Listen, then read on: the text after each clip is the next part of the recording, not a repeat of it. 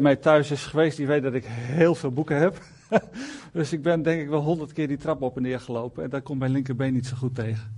Dus als je denkt van wat strompelt hij toch, nou, daar ligt het aan. Dan hoef ik dat uh, niet meer uit te leggen. Ik vond de, de inleiding heel mooi uh, van een dienst. Dat hoor je niet zo vaak meer. Dat mensen getuigenis mogen geven wat ze meemaken uh, met de Heer.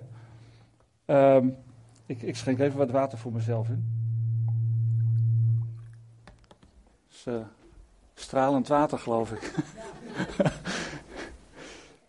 ik. Ik heb zelf ook wel een uh, getuigenis over uh, dat God gebeden verhoort. Ik weet niet wie van jullie de Messias van Israël op Family 7 heeft gezien. Een programma gemaakt door het CGI. De Messias van Israël Family 7. Mag ik handen zien? Oh, twee. Oh, jullie hebben nog zoveel in te halen. hij uh, is op dit moment in de herhaling. Hij wordt nog wel een keer weer herhaald. Maar ga alsjeblieft kijken naar de Messias van Israël op Family 7.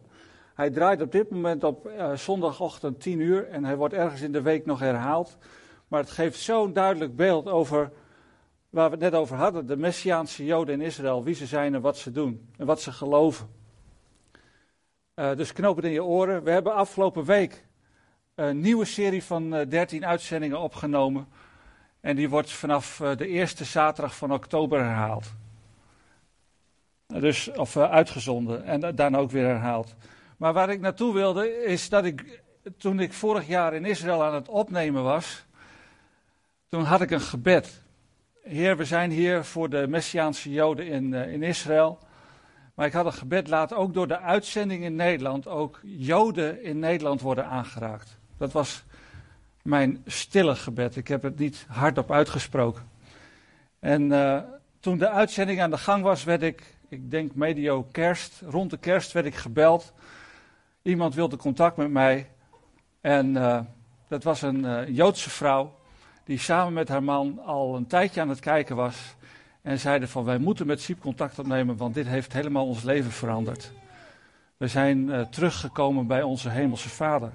Ze zaten echt in de orthodoxie, in de jodendom, heel occult. Zijn bevrijd van alles, ze hebben hele rare dingen in huis meegemaakt. Um, als bewegende lampen en bloempotten die zich verplaatsten enzovoort. Maar ze zijn bevrijd. En daar ga ik straks wat meer van vertellen waarom en hoe. um, toen, toen, Peter mij vroeg om te spreken vandaag, zei hij van, wil je, wil je ook spreken over de Messiaanse Joden in Israël. En ook wat wij daarmee uh, kunnen hebben en waarom we er iets mee zouden moeten hebben. Uh, onze verbondenheid met hen. En uh, nou ja, dat wil ik natuurlijk graag doen. Maar in, in juni, dus een paar weken geleden, ben ik met Peter en Corrie en met nog een aantal andere mensen op reis geweest naar Israël. Ja, en dat geeft altijd een hele bijzondere band. En ik, ik wil als inleiding op, op de prediking ook een beetje vertellen over wat we hebben uh, meegemaakt. Uh, we hebben uh, het zogenoemde pad van de aartsvaders gelopen. de aartsvaders, Abraham, Isaac, Jacob, die zijn op een gegeven moment het land binnengekomen. En hebben daar een bepaalde route gelopen. En die route kun je vandaag de dag nog lopen. Het is niet zoiets als het Pieterpad, maar het lijkt erop. Uh, we, zijn begonnen eigenlijk helemaal in het, in het hoge noorden, de Golan. En ik weet niet of je het nieuws een beetje volgt, maar de Golan is een beetje een spannend gebied. Ik had het willen laten zien door wat, wat beeldmateriaal, maar hoe ik het ook deed en wat ik ook deed, het lukte niet. En dat vond ik eh, best wel jammer. Ik, vanmorgen, vlak voordat ik hierheen ging, zei ik tegen Margriet, ik ga nog één keer achter de laptop zitten. Ik probeer nog één keer die PowerPoint te maken. En het lukte gewoon niet, dus het zal wel uh, zo moeten zijn. Maar de Golan, wij stonden helemaal in het noorden. En als je in het noorden staat, dan kun je drie landen overzien. Je kunt uh, links Libanon zien liggen. Je kunt Syrië en Jordanië zien liggen. En zoals jullie weten is IS in Syrië heel actief. Dus wij stonden daar gewoon op de uitkijk en wij zagen in de verte wat, wat rookpluimen. Nou, als je in Nederland wat rookpluimen ziet, dan denk je, oh, dat is vast een boerderij waar wat vuil wordt verbrand. Maar als je dat in Syrië ziet, is er wel wat anders aan de hand. En dat was in de richting waar wij keken van Damascus. En uh, nou, wij zagen alleen rookpluimen, hoorden verder niks. Maar liepen terug naar de bus en hoorden op een gegeven moment een paar keer achter elkaar hele diepe dreun. Echt wel boem. En het was wel duidelijk dat dat uh, uh, tankgeschut was. En uh, toen hoorden wij en lazen we ook in de krant dat IS al op 50 kilometer afstand van de grens met Israël staat. En afgelopen week bleek ook dat dat in het zuiden het geval was, in de Sinai, dus aan de zuidgrens. Dus het is een spannende tijd voor Israël. Vanmorgen hebben we het gehad over Gods verbond met ons. God heeft ook een verbond met Israël. En wat er ook gebeurt, waar IS ook bezig is, wat IS ook bombardeert, dat kan niets afdoen aan Gods verbond met Israël. Niets. Paulus heeft daar iets moois over, over gezegd. Niets kan ons scheiden van de liefde van God geen engelenmacht of wat voor macht dan ook. Ook geen aardse macht, ook geen IS. En dat bleek toen wij die, dat pad gingen eh, volgen. We uh, gingen wat we nu noemen de Westbank op. En dan kom je bij Sichem, wat tegenwoordig Nablus heet. En daar heb je twee bergen, de Ebal en de Gerizim. En het was mijn vurige wens om dat ooit een keer te zien. Normaal gesproken komen wij niet zo gauw in de bevrijde gebieden, zoals ze dat mooi noemen.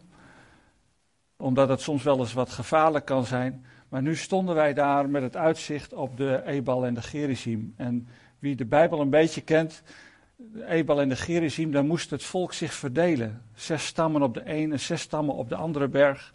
En werd het, stelde God eigenlijk het hele volk voor een keuze. Ik heb met jullie allebei, met jullie als volk, de ene stond op de Ebal, de andere op de Gerizim, een verbond gesloten. En dan mag je kiezen voor dat verbond of tegen dat verbond. Als je voor het verbond kiest, zullen zegeningen over je komen. Als je tegen het verbond kiest, zullen vervloekingen over je komen. En dat geef ik niet, nee, dat roep je over jezelf af als je dat doet. Dus als je wandelt in Gods pad, dan zal zegening je pad ook volgen. Dat is eigenlijk de boodschap. En ik vond het zo mooi om heel symbolisch naar die twee bergen te kijken. Van ieder mens staat voor die keuze. Kies ik voor de ene berg of kies ik voor de andere berg? Kies ik voor, dat vond ik heel mooi. Die berg heet de berg van de zegening, Gerizim. Er stond ook een synagoge op waar ze het woord van God heel serieus bestuderen. Ik denk, ja, kiezen wij voor de zegen of kiezen wij voor de vloek in ons leven? En ook wij staan zelf voor die keus. Doen we dat of doen we dat niet? Daarom vind ik zo'n reis naar Israël altijd heel waardevol. Omdat je gewoon dingen die je voor je ziet, ook tot je hart spreken. Gewoon een berg kan een berg zijn. Maar als je Ebal en de Gerizim voor elkaar ziet, voor je ziet en je weet wat God daar heeft gedaan met, met zijn eigen volk, dan spreekt het ook jouw hart aan. En we vervolgden wat zuidelijker naar, naar Shiloh. Shiloh kennen we van de tijd van Samuel, waar de tabernakel stond. 430 jaar heeft die tabernakel daar gestaan. En wat ik helemaal niet door had, is dat Gods zegen nog steeds aanwezig is daar. Wij kwamen daar als groep, we hadden een groep van een man of elf, dus een tamelijk kleine groep. En de leider van de groep zei van laten we hier maar gaan zitten en laten we maar gaan bidden. En normaal als we bidden, dan gaat het hardop en met wat lofprijzing en zo gepaard, wat luidruchtig soms. En nu iedereen ging zitten. Stil voor zichzelf. Iedereen werd stil. En ook ik werd stil. Het was een enorme, intense ervaring. Ik had toen nog helemaal niet door wat er aan de hand was, maar ik voelde Gods aanwezigheid zo. We hadden van tevoren een filmpje gezien over het leven van Hanna en Samuel. Hoe Samuel als gift werd gegeven aan Hanna terwijl ze kinderloos was. En haar kind afstond aan God voor de dienst in de tabernakel. En hij zou een hele grote profeet van God mocht worden. En hoe de scheiding in hun leven zo tekenend werd. Dat ja, ze moest haar enig kind afstaan. Ik denk dat is voor een moeder heel moeilijk. Om je enig kind af te moeten staan. Je doet het wel voor God, dus je doet het met je volle overgave, maar het doet ook pijn van binnen. En dat soort momenten heb ik ook gekend in mijn leven, dus dat kwam heel dichtbij. En we zaten eigenlijk allemaal te huilen. Iedereen. En iedereen gaf na afloop ook van ja, God, God is hier aanwezig. God was hier. En ik dacht, God was hier zoveel jaren terug, 400 jaar. Totdat ik afgelopen week 2 Korinthe 8 las. 2 Kronieken 8. Daar zei Salomo, overal waar de tabernakel van God heeft gestaan, is hij nog steeds aanwezig, is een heilige plek. Elke plek waar de tabernakel van God heeft gestaan, waar de ark van God heeft gestaan, is nog steeds tot op de dag van vandaag een heilige plek. En besef ook, hij heeft ook in Jeruzalem gestaan. Maar die intense ervaring van Shiloh, die vergeet ik nooit weer. En eigenlijk is het, kun je diezelfde ervaring ook in Jeruzalem hebben. De, het woord zegt, rondom Jeruzalem zijn bergen. Dat is ook in Shiloh zo. Shiloh is dan wat kleinschaliger dan Jeruzalem. Maar daar, die plek waar de tabernakel heeft gestaan, we kunnen het nog zien. En als je dan daar staat, dan is het net alsof de bergen een muur rondom je zijn. Je kunt echt je helemaal omdraaien. Overal zie je bergen. En ik voelde ook de aanwezigheid van God in mijn leven. Het was net of God zijn handen zo hield, die bergen zo hield, als de handen van God en ik zat daar middenin.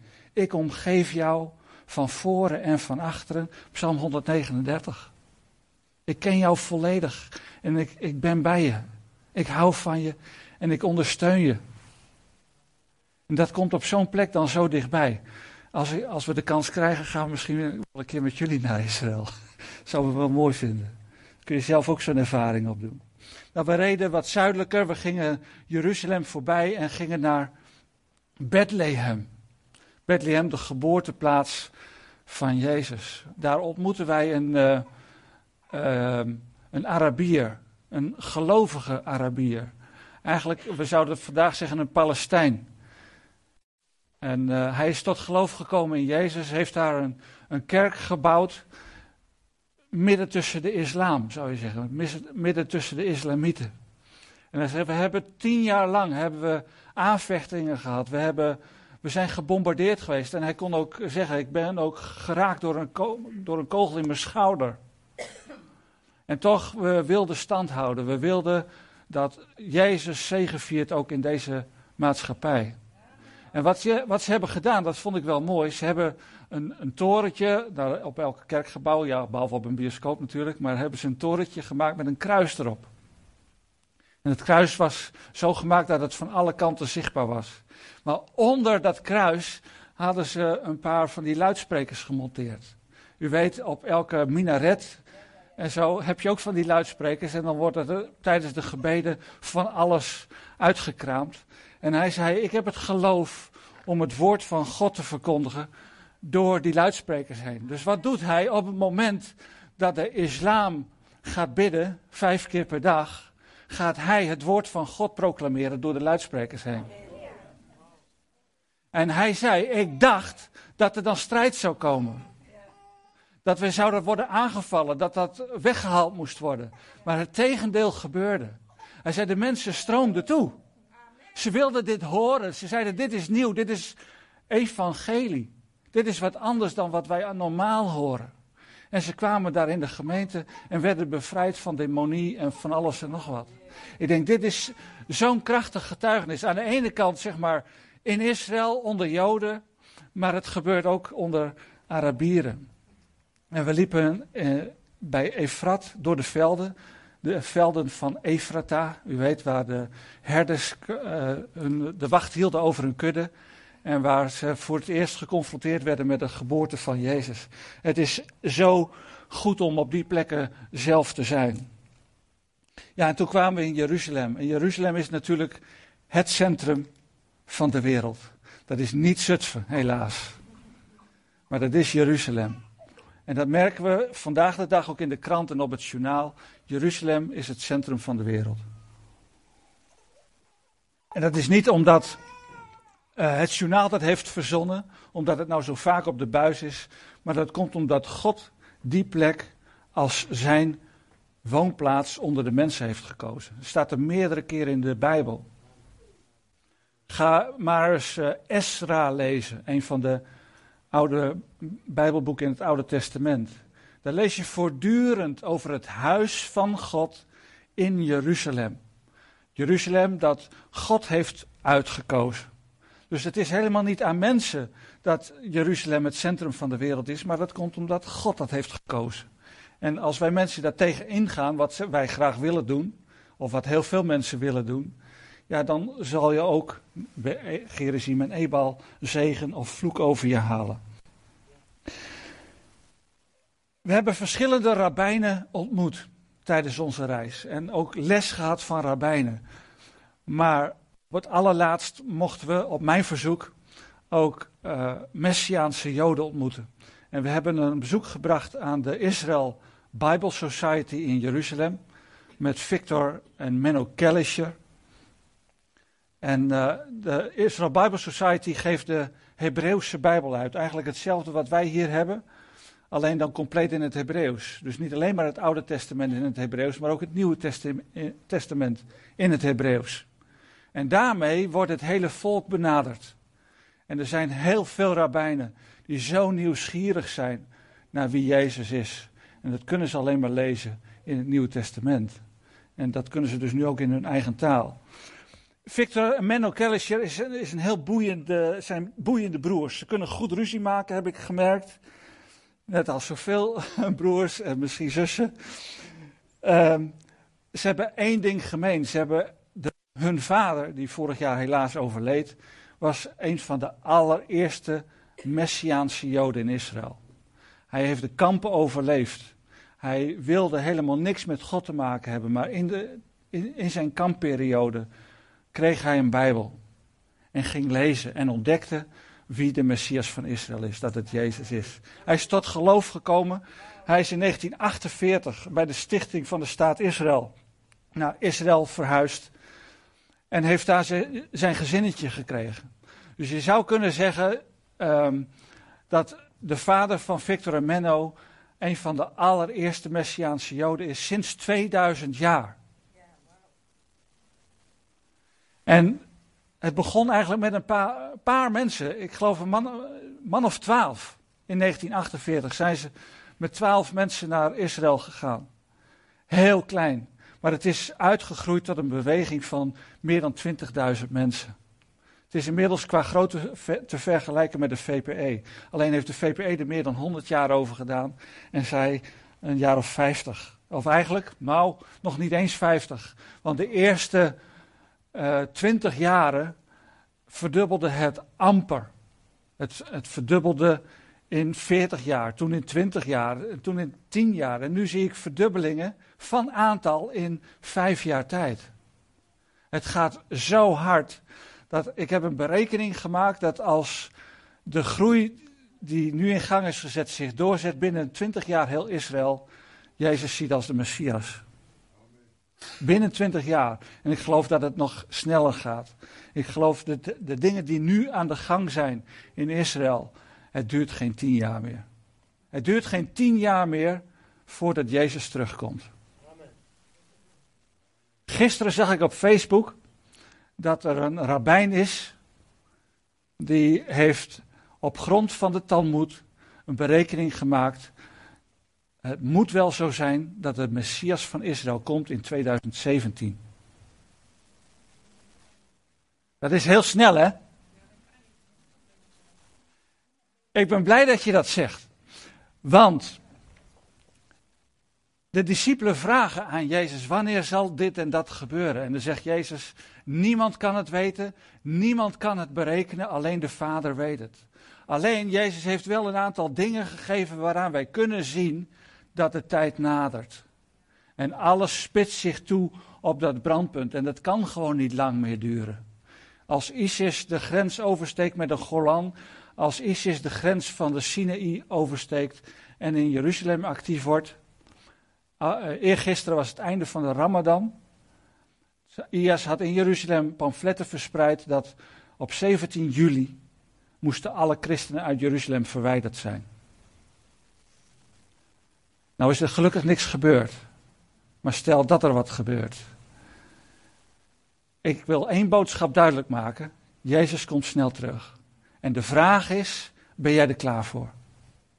Sta jij voor die twee bergen? Kies ik voor de vloek of kies ik voor de zegen? Ja, maar dat vraagt een keuze elke dag opnieuw. Ben ik er klaar voor? Ben ik er klaar voor? Jezus zegt, wees alert. Wees alert. Ga de evangeliën, Marcus en Matthäus en zo maar lezen. Constant als het gaat over de laatste dagen, dan gaat het erover, slaap niet in, maar word wakker, wees wakker. Ik vind het, ik vind het heel bijzonder. En in Israël, ik, ik wil nog een paar voorbeeldjes geven over wat er in de Messiaanse gemeentes gebeurt. Ik weet eigenlijk niet of ik het voorbeeld van de brand al heb genoemd de vorige keer in de preek. Was heel bijzonder. Op woensdagavond, gewoon een bidstondavond, ook voor de gemeente in, in Tiberias, waren twaalf mensen bijeen om te bidden voor de gemeente. En tijdens hun gebed ging de telefoon en was de brandweer. Want er is brand in jullie pand. Nou zeiden ze van, uh, er is helemaal niks te zien. Ja, maar wij krijgen van verschillende plekken vanuit Tiberias. En Tiberias is tegen een, berg opgebouwd, dus als je hoog woont kun je alles beneden zien. Zeiden ze van, wij krijgen vanaf verschillende plekken de melding dat er brand is in jullie pand. Wij komen toch. En ze zijn met gillende sirene voorgereden en kwamen binnen. En inderdaad, er was niks aan de hand. En ze vroegen, maar wat doen jullie hier dan? Bidden. En ik moest, ik moest daaraan denken, dit voorval gebeurde vijf jaar geleden. Ik moest eraan denken toen ik het hoorde over de Pinksterdag. Toen de Heilige Geest werd uitgestort en zich vlammen als vuur zetten zich op ieder van hen. Was dat echt vuur? Het was als vuur. En hier sloegen de vlammen uit het pand. Wat zouden jullie ervan vinden dat de telefoon gaat tijdens deze dienst? En dat de brandweer aan de lijn is, dat ze zeggen: er is brand in jullie pand. Vanwege de Heilige Geest die hier actief is. Zijn wij zo verwachtingsvol? Het gebeurt in Israël nu wel, hè? God is in Israël zo actief dat dit gebeurt. Er was een jonge man, dat, voordat ik dit woord ga openen, wil ik dat nog vertellen. Er was in Haifa een jonge man, een Arabier. En zijn naam was Jihad. En jihad is heilige oorlog oorlog tegen Israël en eigenlijk ook oorlog tegen de God van Israël. En hij kwam daar in de, in de Messiaanse gemeente en zei van, ja maar hier is liefde aanwezig. Ik wil ook meer van die liefde. En hij is tot geloof gekomen, is tot bekering gekomen, heeft al zijn vuiligheid afgelegd en heeft zijn naam veranderd in Jochanan, een Hebreeuwse naam. En hij heeft zoveel liefde mogen ontvangen dat hij nu Israël wil zegenen. Dit is wat er vandaag gebeurt in Israël. Dat zie je niet op het journaal. Op het journaal zie je de, de negatieve beelden. Misschien ook de uitvergrote beelden van negativiteit. Waarschijnlijk ook nog meer leugens dan de waarheid. Maar deze waarheid van deze jongeman die Jihad heette, heeft zijn naam willen veranderen in een liefdevolle naam.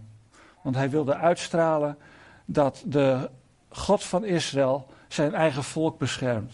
En dat ook Arabieren daarbij mogen horen. Hij koos voor de Gerizim. Hij koos voor zegen. En hij kreeg zegen in zijn leven.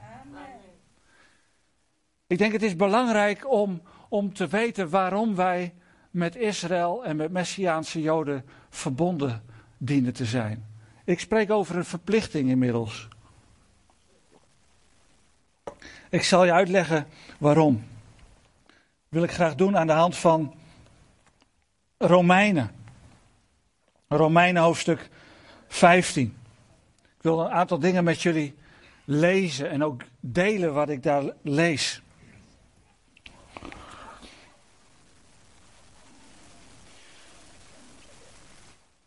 Romeinen 15, vanaf vers 8.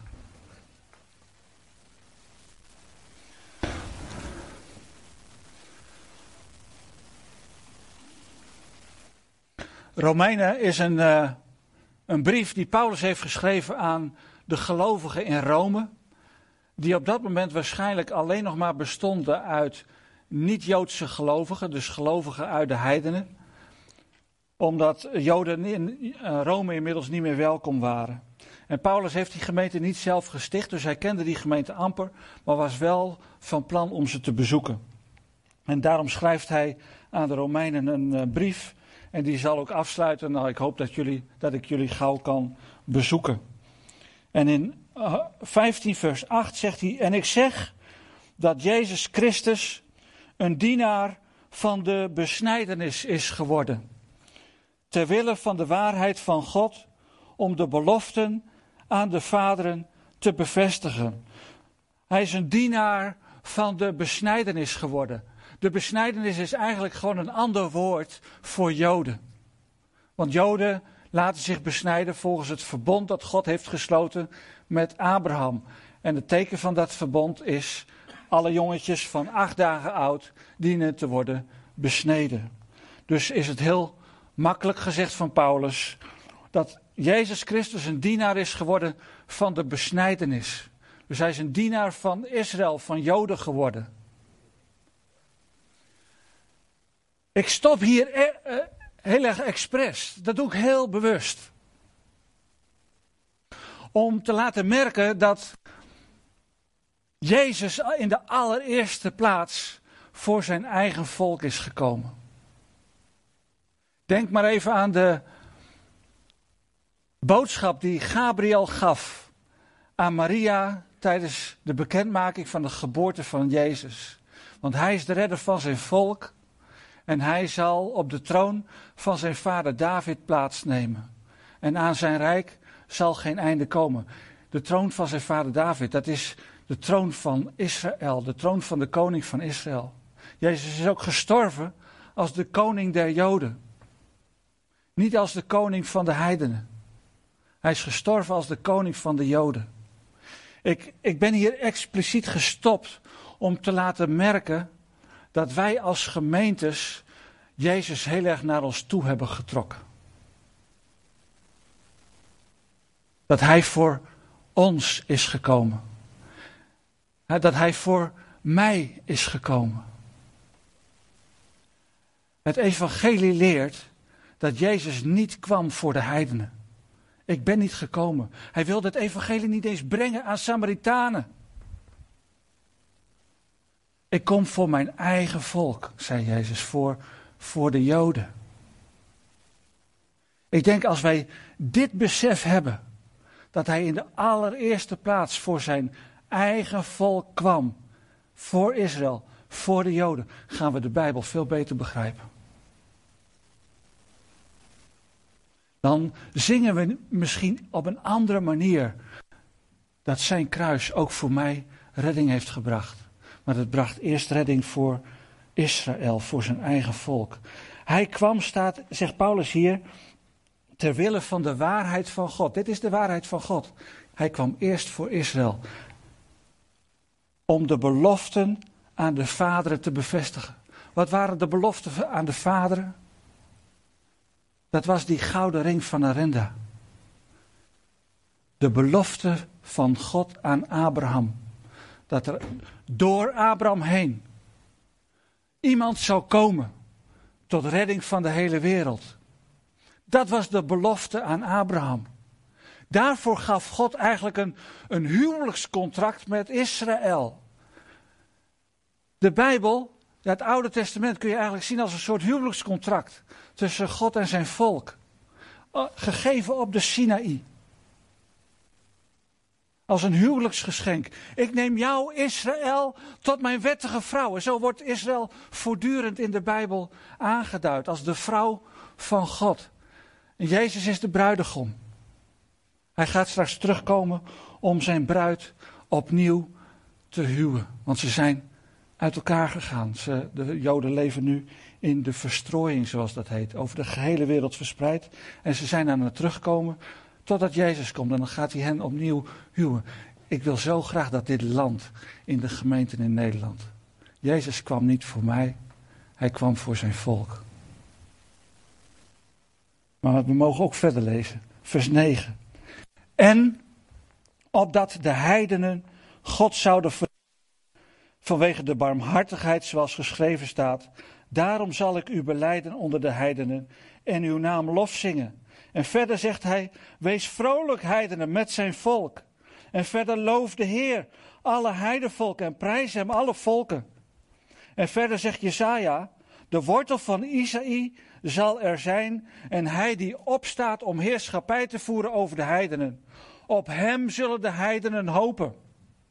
De God nu van de hoop mogen u vervullen met alle blijdschap en vrede in het geloven, opdat u overvloedig bent in de hoop door de kracht van de Heilige Geest. Dit is een, een nieuwe ontknoping. Hij, Jezus kwam voor Israël in de eerste plaats. Voor zijn eigen volk. Zo stierf hij ook als koning van de Joden. Maar, zegt Paulus, dat is zo. Maar er mogen ook iets aan toegevoegd worden. En opdat de heidenen God zouden verheerlijken. En dat was typisch die belofte ook aan de vaderen. Wat hij zei tegen Abraham. Ik zal door jouw nageslacht heen. Zal ik de hele wereld zegenen. En dat zien we hier terugkomen in Jezus. Dus Jezus kwam weer de allereerste plaats voor zijn eigen volk, Israël. En hij zal ook terugkomen in de allereerste plaats voor zijn eigen volk. Niet in Zutphen, niet in Amsterdam, niet in New York, niet in Washington, maar in Jeruzalem. Het draait niet om Nederland. Het draait om Israël.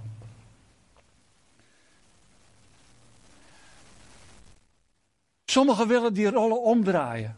Ik ben opgevoed door een, een predikant die um, vorig jaar zei: Na Golgotha heeft Israël geen betekenis meer. Het is gedaan, het is volbracht.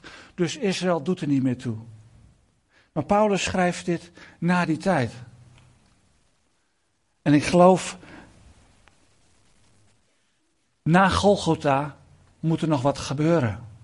Golgotha is een eerste stap, maar er gaat nog een stap volgen, namelijk de redding van Israël, waar nu alles op gefocust is, maar ook de redding van de hele wereld.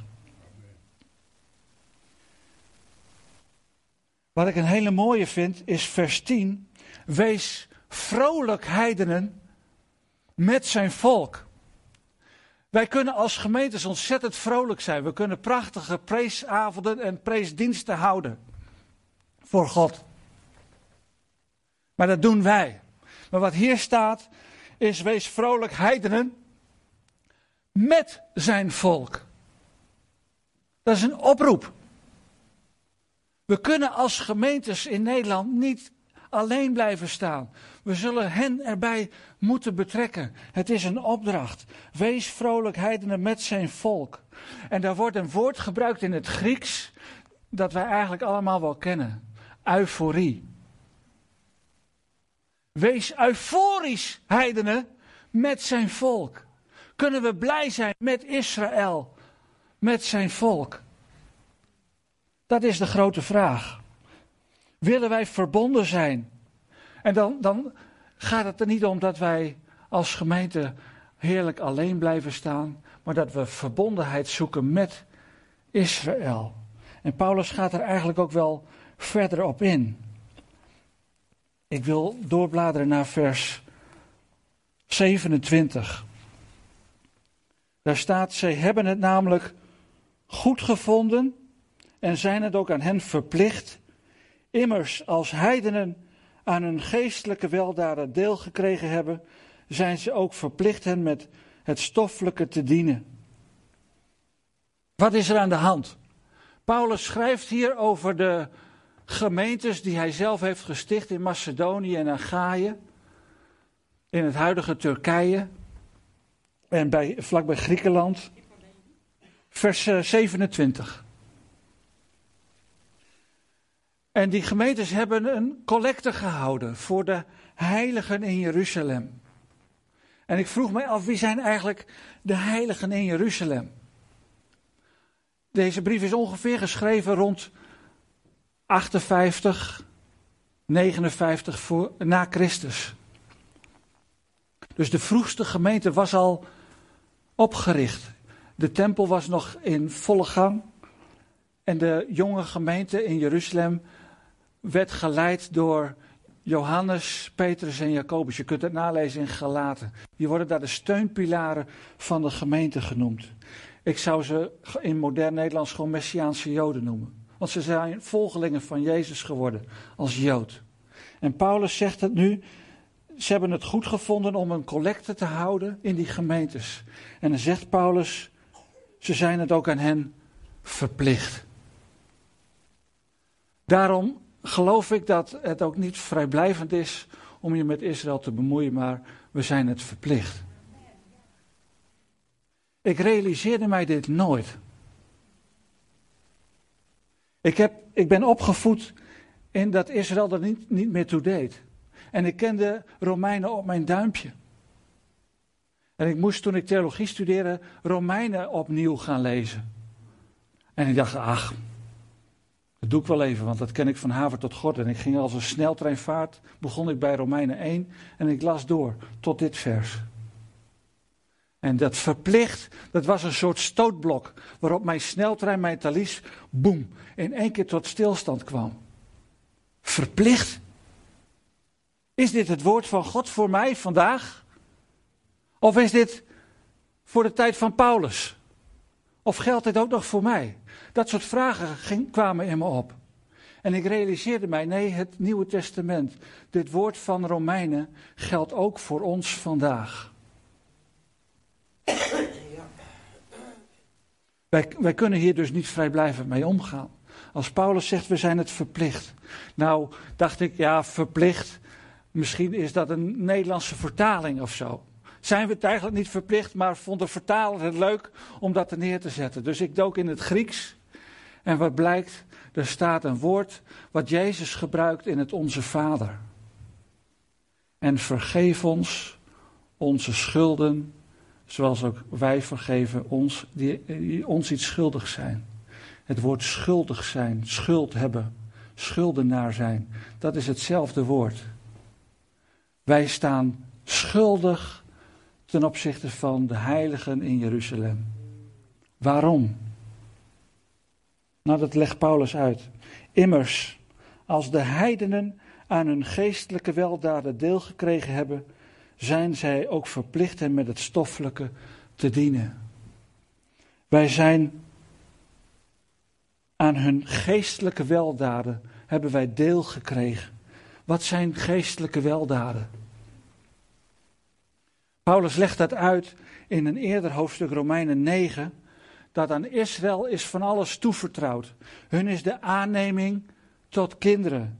Hun is de heerlijkheid, de eredienst, de verbonden. Aan hun is het woord van God toevertrouwd. En ze hebben dat door de eeuwen heen tot op de dag van vandaag in hun traditie keurig bewaard voor ons. Zodat wij er ook aan deel konden krijgen. Ja, zegt Paulus, zelfs is uit hen de Christus geboren. Jezus is geboren uit dat volk. Dat zijn allemaal geestelijke weldaden die wij hebben gekregen als gelovigen uit de volken. Wij hoorden er helemaal niet bij. Paulus zegt in Efeze 2: Wij, gelovigen uit de heidenen, hoorden er niet bij.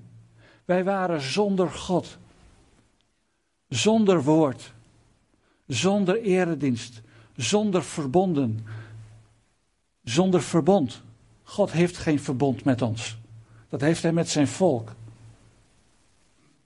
Maar toch, hoe wonderlijk, door het kruis verbindt Jezus ons met de verbonden aan Israël.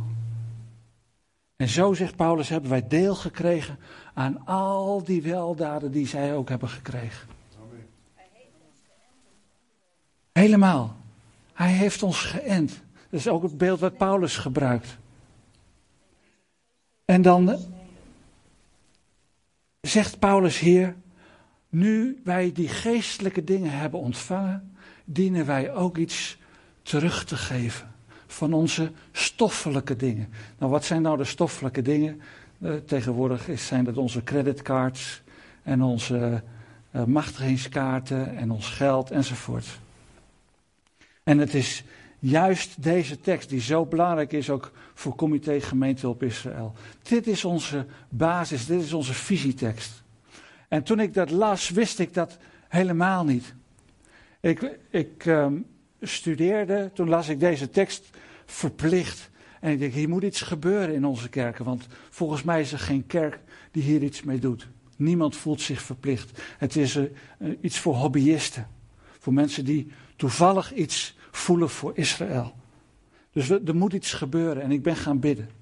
Toen ik klaar was met mijn studie en voorganger werd in Hilversum en wist dat ik van het tractement amper de huur kon betalen, zei ik, heer, er moet iets bij. Want anders kan ik de huur niet eens betalen, dan kan ik niet verhuizen. En toen werd ik gebeld en gevraagd of ik de directeur wilde worden van Comité Gemeente op Israël. En ik wist niet eens wat het was. En we gingen rond de tafel zitten en ik zei: Kunnen jullie mij uitleggen waar jullie, waar jullie voor staan? Wat willen jullie? En toen zeiden ze: van laten we maar Romeinen 15, vers 27 gaan lezen. En het was alsof God mij in de kraag greep en zei: Ik had je al geroepen en nu ga je het doen ook. En dat is, dat is eigenlijk mijn roeping geworden. En duidelijk, ik wil zo dat het duidelijk wordt dat God zijn volk heeft geroepen, dat God een, een speciaal plekje voor Israël heeft en een speciaal land voor hen heeft uitgezocht waar hij ze naar terug gaat brengen. Daar horen wij niet bij. Laat die grens heel helder zijn. Wij horen daar niet bij. Wij hoeven geen Jood te worden om daarbij te horen.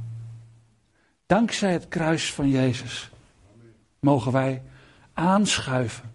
Paulus noemt ons niet burgers, maar medeburgers. Hij noemt ons niet erfgenamen, maar mede-erfgenamen. Dus eerst Israël. En wij mogen aanschuiven. Dat is een geestelijke weldaad die wij mochten ontvangen. En dan zegt Paulus: ga dan maar een collecte houden als, zegt hij, vrucht van je geloof. Als ik deze zaak, vers 28, dan volbracht zal hebben en hun deze vrucht officieel afgedragen zal hebben, zal ik via u naar Spanje reizen.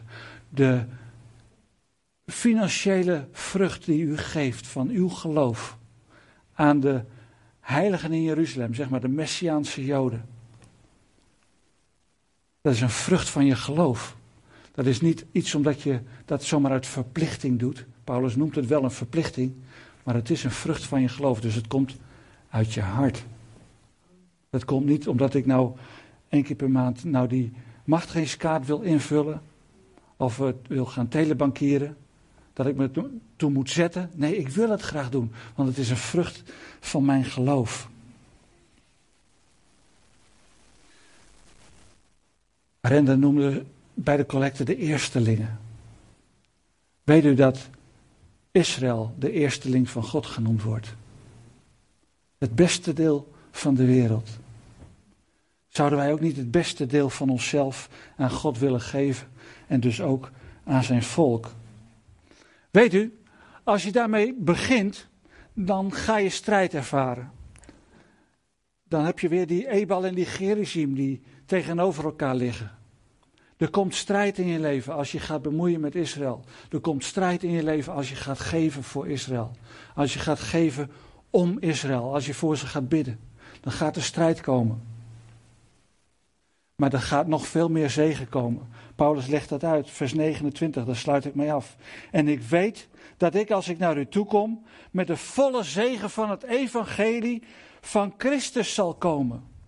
Het gaat erom als wij gaan geven aan Israël, aan de Messiaanse Joden, aan de heiligen in Jeruzalem, dat Christus met de volle zegen gaat terugkomen naar ons. Ik spreek zoveel gemeentes die verlangen naar een opwekking. Die bidden dat heel Nederland tot bekering gaat komen.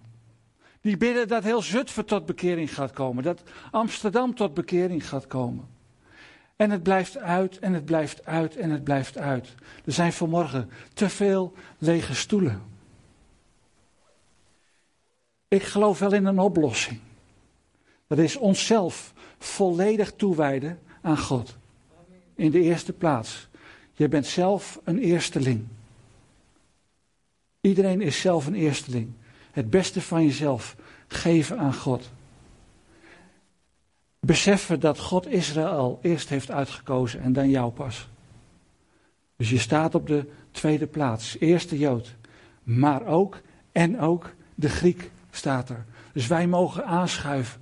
Als we God gaan geven en Israël gaan geven, dan gaat de volle zegen van Christus komen. Daar geloof ik zo in. Vorig jaar, en dat mag ik wel eerlijk zeggen, want u kunt het ook op onze website terugzien. Het CGI was bijna failliet. Midden 2014. De Gaza-oorlog brak uit. En we hadden geen geld om een actie te doen voor Israël. En ik zei, en toch gaan we het doen. We gaan Israël in deze moeilijke tijd gaan we zegenen. En we hebben de drukker opdracht gegeven om een mailing de deur uit te doen. En ik zei, die nota van die uh, mailing, die komt pas als het geld op binnenstroomt. Ja, zei de penningmeester, maar hoe weet ik nou dat er geld binnenstroomt? Ik zei, omdat de volle zegen van Christus op ons af gaat komen. En het was een hele spannende tijd. En de, God zegende ons met 67.000 euro. En we hebben zo Israël mogen zegenen. Dat bracht een ommekeer ook in onze organisatie. En we hebben 2014 afgesloten zoals we nog nooit een jaar hebben afgesloten. Zo goed. Ik denk, als wij gaan geven om Israël. En dan niet uit verplichting. We zijn het wel verplicht, maar we doen het niet uit verplichting. Maar vanuit ons hart. Dan gaat God terugkomen met de volle zegen. En ik geloof dat we daar naar mogen verlangen. Dat er een opwekking zal komen ook hier in Zutphen. Als wij gehoorzaam worden aan dit woord. Amen. Zullen we bidden. Vader, dank u wel. Dat we zo onze zegeningen mochten tellen vandaag. Heer, dat we begonnen zijn om te getuigen van wat u doet in ons leven. Heer, en u hebt ook gezien hoe we getuigen zijn van wat er in Israël gebeurt. Heer, er zijn spannende dingen gaande in de wereld. Alles spitst zich toe op dat ene plekje die u hebt uitgekozen, Jeruzalem. Heer, we hebben ook gehoord van de verplichting die we hebben om verbonden te zijn met Israël. En speciaal met onze geloofsgenoten, de Joden die in u, Jezus, geloven. Vader, en we hebben gehoord dat we als vrucht van ons geloof hen mogen zegenen en verbonden met hen mogen zijn. En dat er ook een volle zegen op ons zal neerdalen. Vader, ik bid zo dat u door uw Heilige Geest in onze harten gaat napreken. Heer, dat u ons gaat duidelijk maken welke positie wij ieder voor zich mogen innemen. Maar ook als gemeente. Heer, dat we mogen zien wat u aan het doen bent in deze wereld. En dat u ook door ons heen uw volk Israël wil zegenen. Heer, ik geloof dat als, Israël weer terugkomt op de plek waar ze hoort te zitten, namelijk te erkennen dat u Jezus de Messias van Israël bent. Heer, wat zal er wat gebeuren in deze wereld? U hebt ook gezegd dat als u Jezus naar deze aarde gaat terugkomen, dan zult u vrede en recht terugbrengen op aarde. Heer, dan hoeven we niet te kijken naar een Griekenland. Hoeven we niet te kijken naar de moordaanslagen overal ter wereld. Heer, maar daar is een oplossing voor. En die oplossing, dat bent u zelf. Er is geen mens die de problemen van deze wereld nog kan oplossen. Heer, we zien daarom verlangend uit naar uw komst.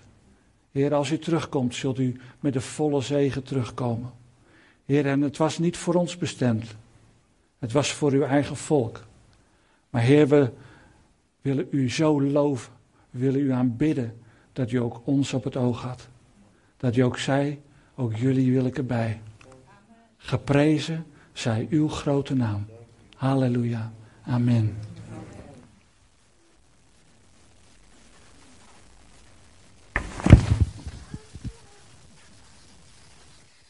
En wat uh, meneer hier zei, dat is uh, een uh, bevestiging van waar God tegen mij um, over heeft gesproken al een, een, tijd. Dat begon met toen Chris Karelsen, dat is een een uh, zendeling, wil even aan, aan u zeggen, een zendeling onder de Joden, die um, uh, die wij van onze kerk uit steunden. Toen Chris Karelsen ging zeggen van, dat hij niet meer gesteund hoefde te worden vanuit onze kerk. Daar schrok ik zo verschrikkelijk van. Dus ik ben naar hem gegaan en gevraagd waarom dat was. En dat waren dus allerlei goede redenen. Maar mijn, mijn verdriet, mijn teleurstelling was dat, oh, nu steunen wij als kerk de Joden niet meer. En dat vond ik zo erg, want ik herinner me nog dat, Christian, dat Chris werd uitgezonden voor de eerste keer vanuit onze kerk. En dat ik heel speciaal voor hem ben gaan bidden. Toen ook vooraan in de kerk, voor hem. En God aan danken dat het zo'n zegen was voor onze kerk. Dat wij iemand konden uitzenden om het evangelie te brengen onder de Joden. En toen Christus zei dat hij uh, niet meer uh, gesteund wilde worden door onze kerk, vond ik dat heel erg. En God ging tegen mij ook spreken en um, uh, in mijn hart en, en uitleggen dat het hoe belangrijk het was dat wij als kerk in de eerste plaats de Joden zegenen. Omdat Jezus in de eerste plaats, dus wat hij ook uitlegde, voor de, voor de Joden is gekomen. En dat dus eigenlijk de eerstelingen van onze kerk ook naar de Joden uh, zou kunnen gaan. En ik heb toen met Kiris gevraagd. En hij zei dat hij dan um, uh, adressen kon geven van mensen die we konden steunen in de kerk. En uh, ik ben toen begonnen om een brief aan de oudste te schrijven. En uh, met al de teksten erbij. En die had ik uitgezocht. En toen had ik al een boek besteld uit um, Amerika van uh, Robert Morris, The Blessed Life. En daar was ik niet helemaal in uitgelezen. Ik had het gedeeltelijk gelezen. En dat ging ik uitlezen toen. En achterin had hij een, uh, een toevoeging ge, gedaan in dat boek. En dat ging over hoe God tot hem gesproken had dat ze in de eerste plaats in zijn kerk de Joden moesten zegenen. En hij ging daarin uitleggen hoe ze de eerste van de maand, dat hij opdracht had gegeven om de eerste van de maand als kerk geld opzij te leggen voor het werk onder de Joden in Israël enzovoort. En hoe hij de enorme zegen heeft ervaren van die daad die ze elke maand doen. En, en, uh, en dan hoor ik u spreken hier en uh, ik voel in mijn hart dat we dat moeten zeggen. Die brief aan de oudste hoef ik verder niet af te schrijven. Ik zeg het dus hierbij. Ik heb echt in mijn hart dat dit een bevestiging is van wat God voor onze gemeente wil. Dank u wel. En dan kan ik je zeggen, Marja, en de rest van de gemeente, dat Peter Siep niet voor niks heeft uitgenodigd. Want dat is ook een besef wat in Peter is gaan groeien. En uh, Peter en Siep, en dat kan ik nu nog meer ondersteunen, ook namens de oudste, willen hier zeker wat mee gaan doen, inderdaad. Want um, ik heb, moet ik heel eerlijk zeggen, wel wat nieuwe dingen gehoord. En, uh, en ik bid dat wij als gemeente, en niet alleen vanuit de oudste, maar ook als gemeente, ieder voor zich hiermee aan de slag gaat dat we hierover na gaan denken, met de Heer over gaan spreken en dit gaan opzoeken in de Bijbel. Wat zegt u eigenlijk nog meer hierover? Want het is een geluid wat wij nog niet hebben gehoord hier. Maar het is wel het woord van de Heer. Zullen we gaan staan?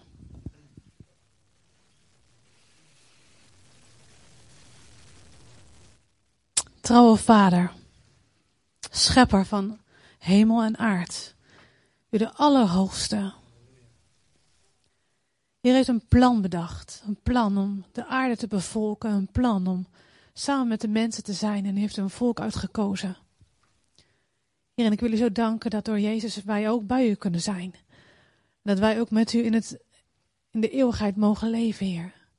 Maar Heer, ten aanzien van Israël hebben wij nog veel te leren. En ik wil u danken voor de mensen onder ons die al verder meer in hebben geleerd. En ik wil u danken ook voor de stem van Siep nu vanochtend. Heer, die voor mij ook eye-openers heeft gegeven die ik nog niet heb gehad. En ik wil u dat beleiden, Heer, dat het soms misschien zelfs een onbewuste, maar toch misschien een arrogantie is geworden. Om eerst naar de christenen te kijken en dan pas naar Israël. Vergeef ons dat. Vergeef mij dat, want ik moet voor mezelf praten. Heer, onbedoeld, maar we hebben nog veel te leren. En ik wil u danken voor het woord van vanochtend. En ik wil u danken, Heer, dat u ook weet, Heer, wat er allemaal over gezegd wordt, Heer, over Israël en wat erin wel en wat erin niet klopt. Maar ik bid, Heer, dat u in ons hart een, een honger naar de waarheid hierover, Heer, zult geven. Dat we niet zullen rusten tot we hier meer over weten. En tot we ons hart hierin recht naar u kunnen hebben staan, Heer. Recht naar Israël.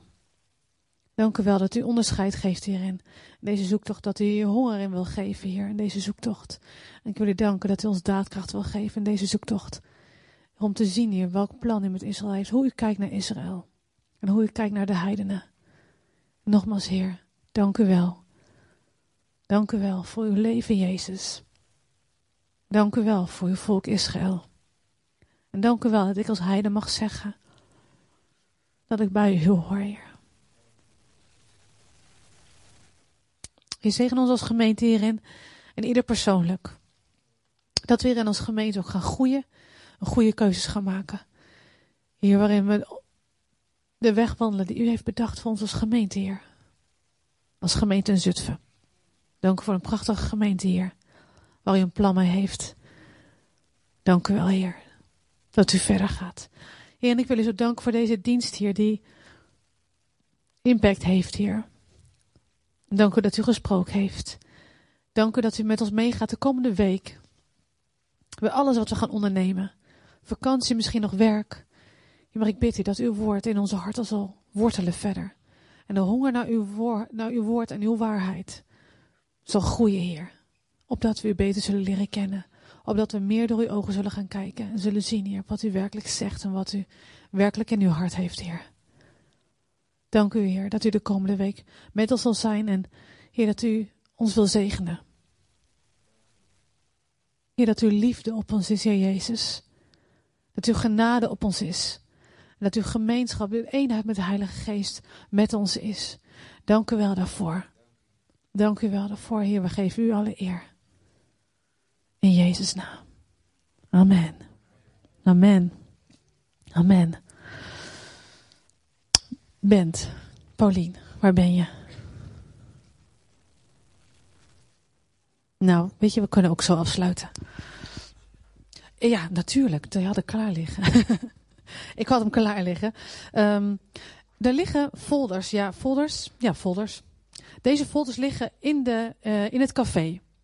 En hierin staat veel meer informatie over uh, de, de dingen die Siep gezegd heeft en hoe we daar praktisch mee om kunnen gaan.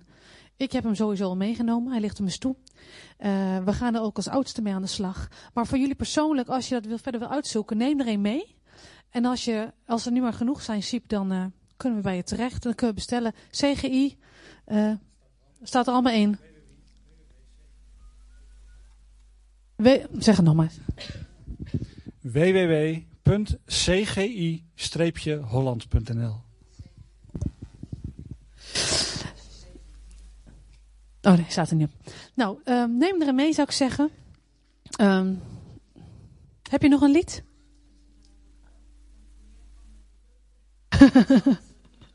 Goed, laten we die zingen. Daarmee sluiten we de dienst af en daarna een heel fijn weerzien bij de koffie. Um, mochten mensen nog interesse hebben in een Israël